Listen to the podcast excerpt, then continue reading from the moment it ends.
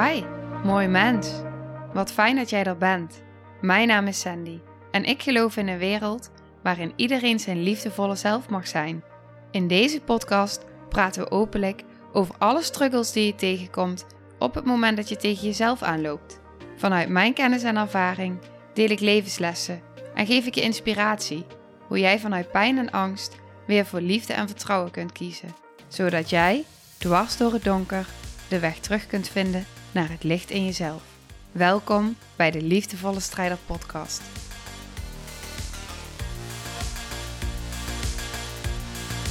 Ja, hij doet het. Hallo, wat fijn dat je weer luistert of kijkt. Welkom. fijn dat jij er bent. Oké. De aflevering van vandaag. Op het moment dat deze online komt, zit ik met mijn gezin in Spanje en heb ik vakantie. en ik heb mezelf de vraag gesteld van nou ga ik in mijn vakantie podcasten? Als ik inspiratie voel wel. Maar ik voelde nu vooraf zoveel inspiratie door mij heen komen. Dat ik dacht, oh ja, oké, even een momentje gaan zitten en uh, delen. Ik heb namelijk met mezelf een afspraak gemaakt dat ik mezelf wil uitdagen om een jaar lang vier keer in de week te podcasten. En ik ben heel benieuwd hoe zich dat gaat ontvouwen, maar het lukt nu al een tijdje. Bij twee dacht ik nou drie kan en bij drie dacht ik nou vier kan. En het is zoiets wat meestal uh, moeiteloos gaat. Er zijn ook momenten dat er bij mij uh, nou, dat hij iets minder moeiteloos voelt of dat ik uh, van alles doorheen voel gaan. En uh, nou, dat is dan dus ook heel erg zichtbaar. En dat is dus ook heel erg oké. Want ik voel ook op het moment dat ik vier keer in de week ga podcasten, dan uh, ga je ook, nou, je gaat me ook op me niet best zien. En um, dat is ook wie ik ben. Het is de full package. Oké. Nou, maar goed. De aflevering van vandaag. Wat ik met je wil delen in deze aflevering. Um, gaat heel erg over kritiek krijgen van anderen. En ik weet dat als ik vergelijk mezelf met jaren geleden. Dan was ik ontzettend bang voor de meningen van anderen. En deed ik er alles aan om mezelf veilig te stellen. En een van die dingen om mezelf veilig te stellen was ervoor zorgen dat ik voldeed aan die meningen van anderen. En zo min mogelijk risico liep dat de ander mij zou afwijzen. Want er zat gewoon hele diepe doodsangst onder.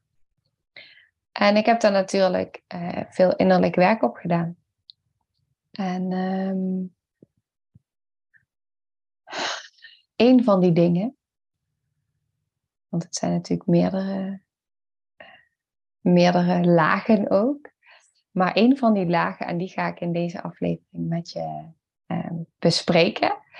Um, omdat ik ook voel dat dat voor nu ook, dat je daar de meeste waarde uit kan halen als ik hem op die laag bespreek. Dat is de laag van de mind, het bewustzijn. En op het moment dat je dingen anders kan gaan zien en dat er bewustwording op komt, bewustzijn, dan, um, dan doet dat iets in hoe je weer vervolgens tegen een situatie of tegen nou, op het moment dat je ermee geconfronteerd wordt, er tegenaan kijkt. Dus ik hoop dat ik, je, dat ik die aan je mee mag geven in deze aflevering. Wat ik besefte gisteren. Ik had een uh, belevingsdag. En in die dag gingen we ook creëren. En op een gegeven moment gingen we een oefening doen waarin we een paar jaar vooruit gingen op de tijdlijn. En anderen gingen dan vragen stellen van oké, hoe ziet het er dan uit? Waar ben je? Um, nou, die ging helemaal tien minuten lang diep in op hoe jij er dan, uh, nou, op je verlangen. En nou, mijn verlangen is dus um, wonen in Spanje en daar mega magische en transformerende helende retreats organiseren. En daarnaast ook heel veel mensen nog um, ja, dus dat is één. Dus, dus op die manier. Maar daarnaast ook nog steeds mensen kunnen inspireren uh, online. En um, met het online traject. En dan, uh, nou daarnaast ook dan nog zeker uh, één op één. Maar dan wel niet in. Hoeft nu niet diep op in. Maar in ieder geval, hij ging over het retreat in Spanje. Ik raak al helemaal weer uh, focus. Oké. Okay. Retreat in Spanje. En ik was daarover aan het delen. En ik was aan het vertellen van, oh, hoe zie ik dat dan voor me? En ik kon het weer helemaal voelen. En daarna hadden we pauze. En iedereen had gedeeld. En op een gegeven moment na de pauze, toen zaten we, in de, zaten we weer met elkaar. En op een gegeven moment, toen zei een van de dames. En wat ik een beetje context misschien wel fijn is. Ik had al de hele dag bij haar, vanaf het moment dat ze binnenkwam, voelde ik enorm veel beschermmuren. En heel veel um, blijf zo ver mogelijk uit de buurt bij mij energie. En dat maakt me automatisch altijd al heel erg zacht. Waar veel mensen dan als vanzelf wegrennen. um, zie ik dan ook wat daarachter zit. En zie ik ook juist dat er heel veel pijn achter zit bij iemand. Dus op een gegeven moment, zij zat tegenover mij. En op een gegeven moment zei zij, oh ja, als het iets was en ik moet iets delen. En ze keek naar mij en de dame naast mij. En ze zei, ik geloof er niet in. Ik geloof niet, en er zat echt wel een laag van woede ook achter. Ehm, ik geloof niet dat wat jullie net hebben allemaal zitten vertellen, dat dat gaat gebeuren. En er kwam best wel wat energie mee. En wat ik dus fantastisch vond om te kunnen voelen bij mezelf. En daar ben ik heel dankbaar voor en heel trots op mezelf. Dat ik dus kon voelen dat waar ik, en ik zie mezelf dan als dat kleine meisje wat jaren geleden, als iemand aan me vroeg van nou wat wil je eten, maakt niet uit wat jij wil. Ja, maar wat wil je dan? Wil je liever friet of pizza? Nee, maakt niet uit wat jij wil. Ik wil echt wat jij wil. Dan ben ik echt gelukkig. Als ik doe wat jij wil, dan oh, paniek. En zij ging dus echt best wel vol in. Um, ik geloof er niet in. En uh, nou, er zat ook echt wel een stukje frustratie. En um, wat ik dus voelde, en die was echt bevrijdend, is dat ik naar haar keek. En ik bleef bij mezelf in verbinding met mijn delen. En ik keek naar haar. En het enige wat ik voelde en wat ik zag, was jeetje. Wat is jouw strijd enorm van binnen? En wat raakt mij om dat zo jou te zien strijden.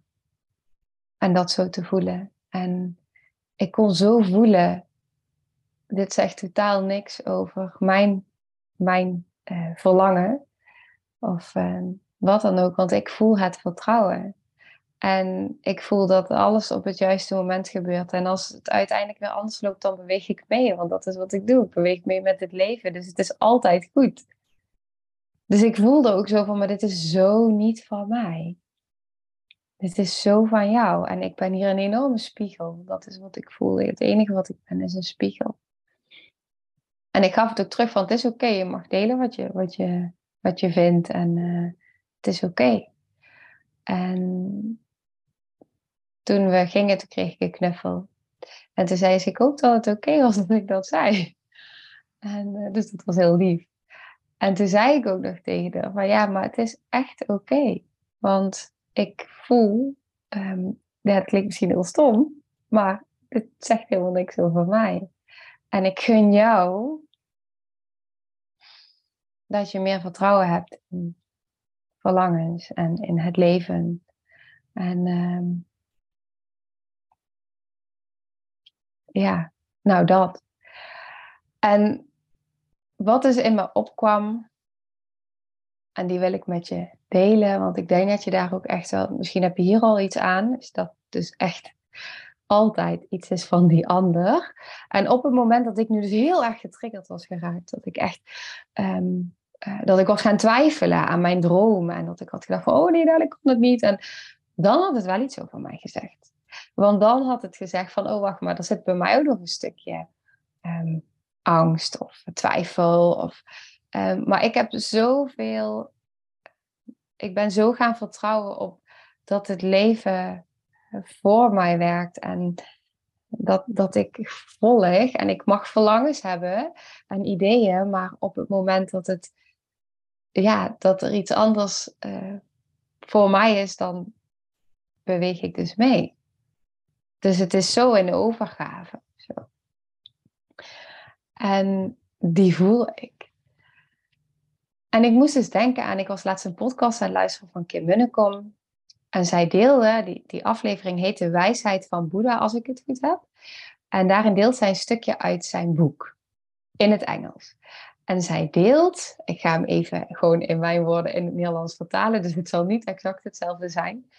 Ehm, maar zij deelt dus dat Boeddha vertelde dat er op een gegeven moment, ik moet denken, dit is ook zo'n, ik zie zo'n oefening voor me, dat je iets tegen iemand zegt en die zegt weer iets tegen iemand anders en iedereen vertelt het weer net iets anders. En uiteindelijk heb je een heel ander verhaal. Maar ik ga bij de kern blijven van het verhaal.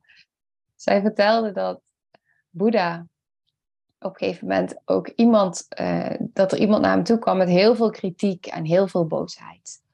En dat Boeddha hem een vraag stelde.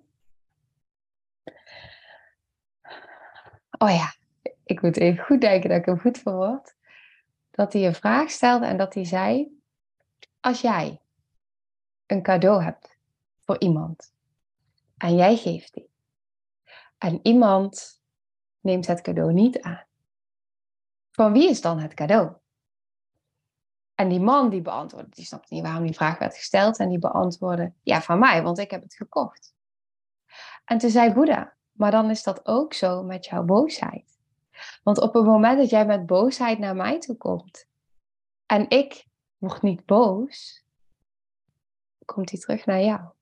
En blijf jij met je boosheid. Dan ben jij degene die niet gelukkig is. En ik nog steeds wel. En die is precies waar dit voorbeeld wat ik net deelde over gaat. En op het moment dat je het dus kan gaan zien vanuit, wow, maar iemand komt met frustratie, iemand komt met, met boosheid, iemand komt met allemaal kritiek en jij doet dit en jij doet dat en whatever. En je kan gaan zien, oh maar wacht eens even? Het is een cadeau wat nu naar mij toe komt. Misschien een niet zo leuk cadeau, maar wil ik dat aannemen? Of kies ik ervoor om dat cadeau gewoon helemaal niet aan te nemen? Het is van jou. Het is jouw boosheid. Het is jouw frustratie. En het mag bij jou blijven. En dan neem jij dus niet het cadeau aan, waardoor jij ook in die energie komt van boosheid en frustratie en afwijzing en alles wat er geraakt wordt. En dat verandert iets. En wat dan nog doorwerkt, is dus dat als je dan kan gaan zien dat er iemand boos en gefrustreerd naar jou toe komt, dat hij eigenlijk dat iets zegt over die ander. De staat van zijn van die ander en wat die ander voelt. En dan is er ineens zoveel meer compassie. Dat is echt een verschil. Neem je dat cadeau aan of niet? Neem je het aan of niet? Dat is het eigenlijk. En op het moment, en die deelde ik natuurlijk net ook al, maar op het moment dat je merkt van, oh wacht, maar dit raakt dus iets heel dieps in mij. En je neemt het cadeau eigenlijk aan, dan is het eigenlijk ook een cadeau. Want op het moment dat je dan kan, bewust kan voelen van hé, maar oh wacht eventjes. Oh god, oh god, dit raakt hele diepe doodsangst. Oh god, dit raakt hele diepe thema's van mij. Oh oké, daar mag ik dus nog even naar kijken. Daar mag ik even mee zijn.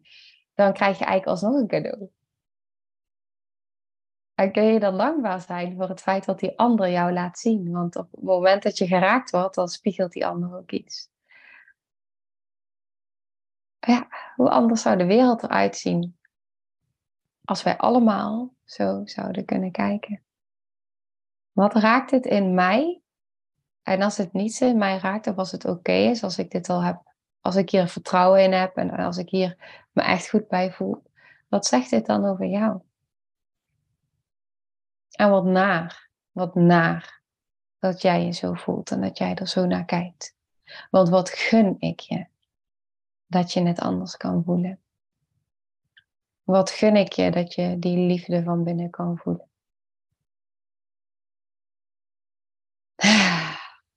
Ja. Dat. Dat is het. Ik merk dat het um, bevrijdend is om op die manier te zijn en te leven.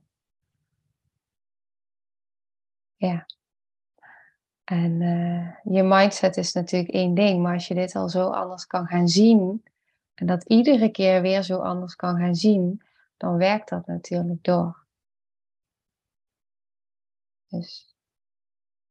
En ik merk ook als ik uh, sessies onderga zelf, hoe diep in mijn systeem de angst voor afwijzing nog zit.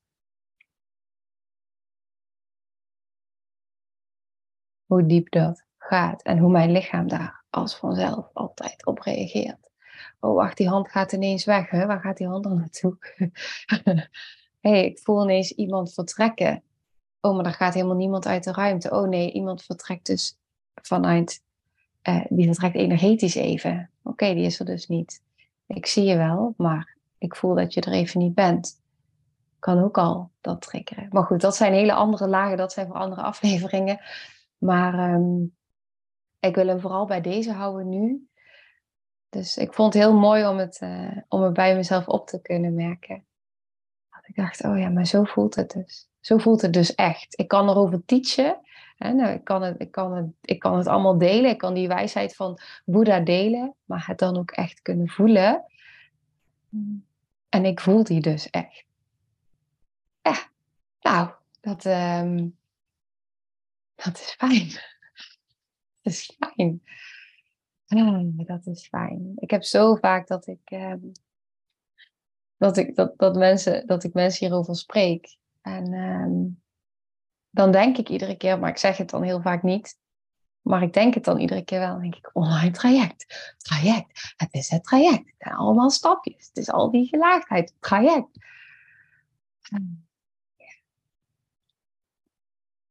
Ja. Ik gun het je gewoon. Dat is het. Ik gun het je. Dus de volgende keer. Als jij kritiek krijgt. Kijk dan eens. Dus het hoeft niet. Maar misschien is het een leuke uitdaging. Um, om eens te kijken of je al is het maar tot tien kan tellen. In plaats van meteen woe, tot tien tellen. Oké, wacht even. Wat gebeurt hier? Wat gebeurt hier? Is dit wel, is dit wel van mij? Of is dit van de ander? Neem ik het aan? Of laat ik het daar? Oké. Dan ga ik hem nu afronden. Maar ik weet dat op het moment dat ik kon gaan inzien dat wat anderen over mij denken niet per se iets zegt over mij, maar over hun perceptie van de werkelijkheid en hun manier hoe ze tegen de wereld aankijken. Zo, zo, zo bevrijdend. Ik heb zo lang die angst gevoeld en gedacht van oh, als ik alles maar probeer te controleren om mezelf veilig te stellen, dan, uh, dan kan ik het voor iedereen goed doen. En dan kom je er steeds achter, ja, maar die kan het nooit voor iedereen goed doen. En zelfs al denken dat je het voor iedereen goed doet, dan toch komt er ineens iets voorbij dat je denkt, oh mijn god, hoe heb ik me in deze situatie gewrikt gekregen? En die gaat ook heel erg over echt eerlijk zijn. Echt eerlijk zijn. En durf je überhaupt ja, de verantwoordelijkheid daarover te nemen? Want daar gaat hij ook over. Over de verantwoordelijkheid nemen voor je eigen gevoelens. En uh, die niet bij de ander leggen. En als de ander die bij jou probeert te leggen, dan is het natuurlijk de vraag: ga je die aannemen? Of laat je die bij de ander? Oké, daar ga ik ermee afronden. Dan wens ik een hele fijne dag. Nou, lieve mensen, ontzettend bedankt voor het luisteren. Ik ben heel benieuwd wat je van de aflevering vond en welk inzicht je eruit hebt gehaald. Mocht je nog vragen hebben of is er een onderwerp waar je meer over wilt weten, laat het me dan weten. En wie weet neem ik het mee in een van de volgende afleveringen. Als je het leuk vindt, kun je de aflevering delen. Of maak een screenshot en tag me op Instagram. Want ik vind het echt super tof om te zien wie er luistert. De link van mijn Instagram staat in de beschrijving bij de podcast. En wil je blijvend geïnspireerd worden? Klik dan op abonneer of volgen in de podcast-app waarmee je luistert. Dat zouden ik en alle toekomstige luisteraars enorm waarderen. Want dat zorgt er namelijk voor dat de podcast beter gevonden wordt. Nogmaals, dankjewel voor het luisteren en heel graag tot de volgende aflevering.